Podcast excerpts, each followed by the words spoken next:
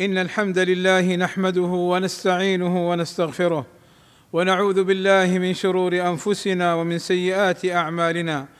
من يهده الله فلا مضل له ومن يضلل فلا هادي له. وأشهد أن لا إله إلا الله وحده لا شريك له. وأشهد أن محمدا عبده ورسوله.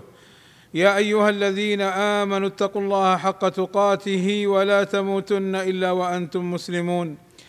يا أيها الذين آمنوا اتقوا الله وقولوا قولا سديدا يصلح لكم أعمالكم ويغفر لكم ذنوبكم ومن يطع الله ورسوله فقد فاز فوزا عظيما إن أصدق الكلام كلام الله وخير الهدى هدى محمد صلى الله عليه وسلم وشر الأمور محدثاتها وكل محدثة بدعة وكل بدعة ضلالة وكل ضلالة في النار. أما بعد فنحن مقبلون بإذن الله تعالى على شهر رمضان وهو موسم الخيرات ومواقيت المبرات والعمل الصالح فيه له أجره ومكانته. فالجدير بالمسلم أن يزايد فيه من فعل الخيرات والإحسان والبر وترك المعاصي والسيئات توبة إلى الله.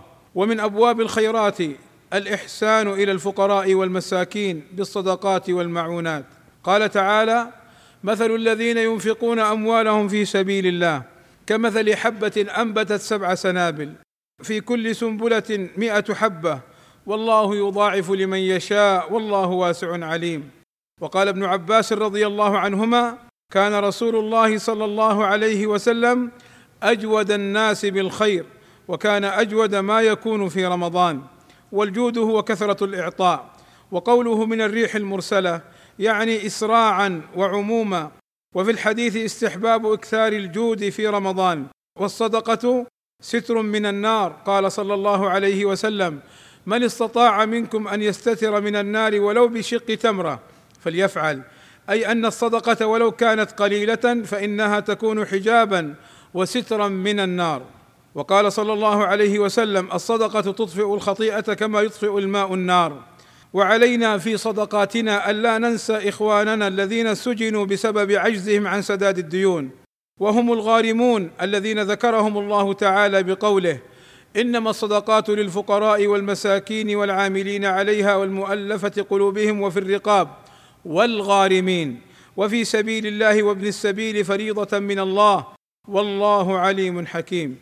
فالصدقة على هؤلاء وسداد ديونهم فيه تفريج عن السجين. وعن أهله من أب أو أم أو أبناء وأولاد وزوجة وغيرهم. قال صلى الله عليه وسلم من أنظر معسرا أو تصدق عليه أظله الله في ظله يوم القيامة.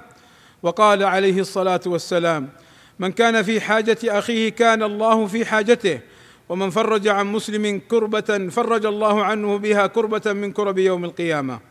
وقال صلى الله عليه وسلم أحب الأعمال إلى الله عز وجل سرور تدخله على مسلم أو تكشف عنه كربة أو تطرد عنه جزعا أو تقضي عنه دينا.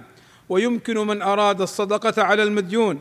التبرع عن طريق منصة فرجت وهي منصة أنشأتها الدولة.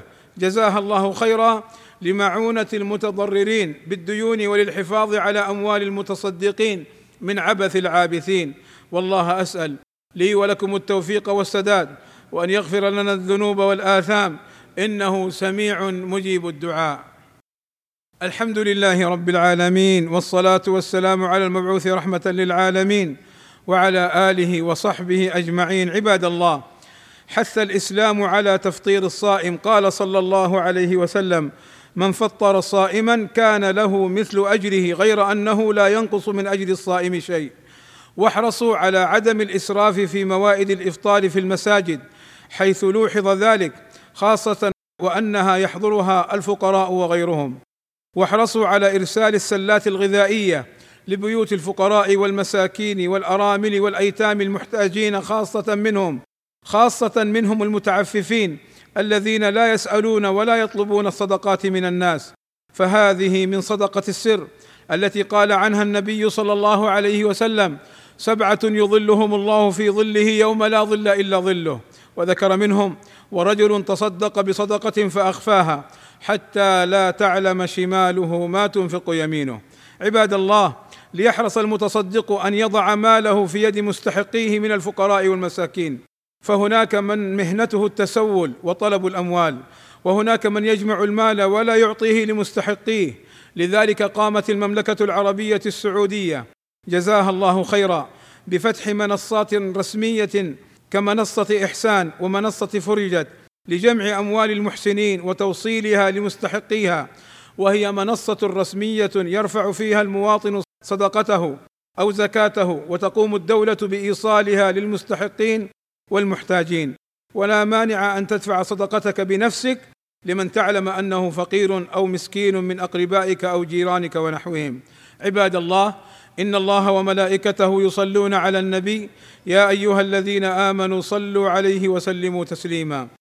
فاللهم صل على محمد وأزواجه وذريته كما صليت على إبراهيم وبارك على محمد وأزواجه وذريته كما باركت على آل إبراهيم إنك حميد مجيد.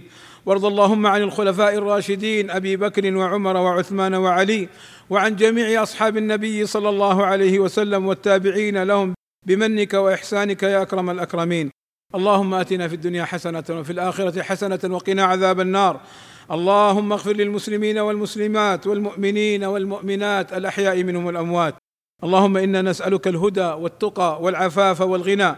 اللهم وفق ولي أمرنا الملك سلمان بن عبد العزيز وولي عهده الأمير محمد بن سلمان. لما تحبه وترضاه وأصلح بهما البلاد والعباد واحفظهما من كل سوء. اللهم أيدهما بتأييدك ووفقهما بتوفيقك وأعز بهما الإسلام والمسلمين والحمد لله رب العالمين والصلاة والسلام على المبعوث رحمة للعالمين